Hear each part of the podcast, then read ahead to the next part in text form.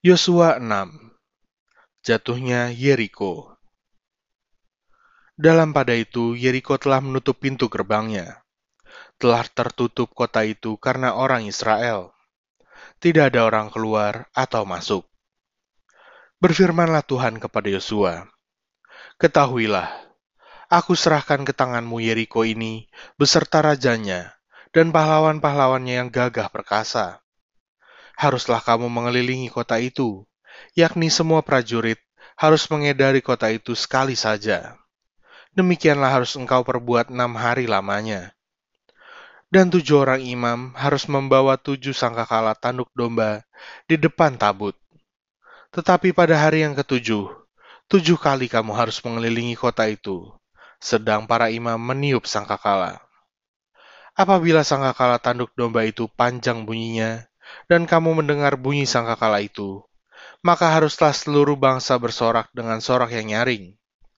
Maka tembok kota itu akan runtuh. Lalu bangsa itu harus memanjatnya, masing-masing langsung ke depan.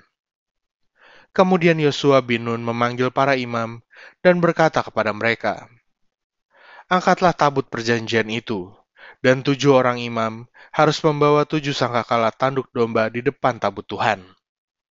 Dan kepada bangsa itu dikatakannya, Majulah, kelilingilah kota itu, dan orang-orang bersenjata harus berjalan di depan tabut Tuhan. Segera sesudah Yosua berkata kepada bangsa itu, maka berjalanlah maju ketujuh orang imam yang membawa ketujuh sangkakala tanduk domba itu di hadapan Tuhan. Lalu mereka meniup sangkakala, sedang tabut perjanjian Tuhan mengikut mereka dan orang-orang bersenjata berjalan di depan para imam yang meniup sangkakala, dan barisan penutup pengikut tabut itu. Sedang sangkakala terus-menerus ditiup. Tetapi Yosua telah memerintahkan kepada bangsa itu demikian. Janganlah bersorak dan janganlah perdengarkan suaramu. Sepatah kata pun janganlah keluar dari mulutmu, sampai pada hari aku mengatakan kepadamu, Bersoraklah, maka kamu harus bersorak Demikianlah tabut Tuhan mengelilingi kota itu, mengedarinya sekali saja.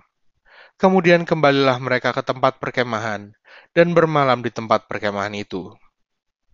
Keesokan harinya Yosua bangun pagi-pagi, lalu para imam mengangkat tabut Tuhan. Maka berjalanlah juga ketujuh orang imam yang membawa ketujuh sangkakala tanduk domba itu di depan tabut Tuhan. Sambil berjalan, mereka meniup sangkakala sedang orang-orang bersenjata berjalan di depan mereka, dan barisan penutup pengikut tabut Tuhan. Sementara sangkakala terus-menerus ditiup. Demikianlah pada hari kedua mereka mengelilingi kota itu sekali saja, lalu pulang ke tempat perkemahan, dan begitulah dilakukan mereka enam hari lamanya.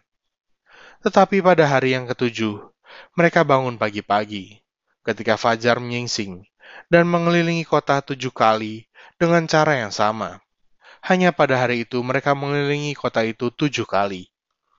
Lalu pada ketujuh kalinya, ketika para imam meniup sangkakala, berkatalah Yosua kepada bangsa itu, Bersoraklah, sebab Tuhan telah menyerahkan kota ini kepadamu. Dan kota itu dengan segala isinya akan dikhususkan bagi Tuhan untuk dimusnahkan. Hanya Rahab, perempuan sundal itu akan tetap hidup, ia dengan semua orang yang bersama-sama dengan dia dalam rumah itu, karena ia telah menyembunyikan orang suruhan yang kita suruh. Tetapi kamu ini, jagalah dirimu terhadap barang-barang yang dikhususkan untuk dimusnahkan, supaya jangan kamu mengambil sesuatu dari barang-barang yang dikhususkan itu setelah mengkhususkannya, dan dengan demikian membawa kemusnahan atas perkemahan orang Israel dan mencelakakannya.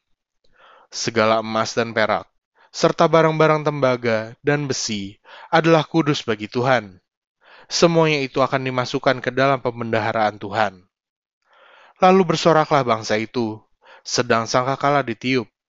Segera sesudah bangsa itu mendengar bunyi sangkakala, bersoraklah mereka dengan sorak yang nyaring. Maka runtuhlah tembok itu, lalu mereka memanjat masuk ke dalam kota, masing-masing langsung ke depan dan merebut kota itu mereka menumpas dengan mata pedang segala sesuatu yang di dalam kota itu, baik laki-laki maupun perempuan, baik tua maupun muda, sampai kepada lembu, domba, dan keledai. Tetapi kepada kedua orang pengintai negeri itu Yosua berkata, Masuklah ke dalam rumah perempuan sundal itu, dan bawalah keluar perempuan itu dan semua orang yang bersama-sama dengan dia, seperti yang telah kamu janjikan dengan bersumpah kepadanya. Lalu masuklah kedua pengintai muda itu dan membawa keluar Rahab, dan ayahnya, ibunya, saudara-saudaranya, dan semua orang yang bersama-sama dengan dia. Bahkan seluruh kaumnya dibawa mereka keluar. Lalu mereka menunjukkan kepadanya tempat tinggal di luar perkemahan orang Israel tetapi kota itu dan segala sesuatu yang ada di dalamnya dibakar mereka dengan api.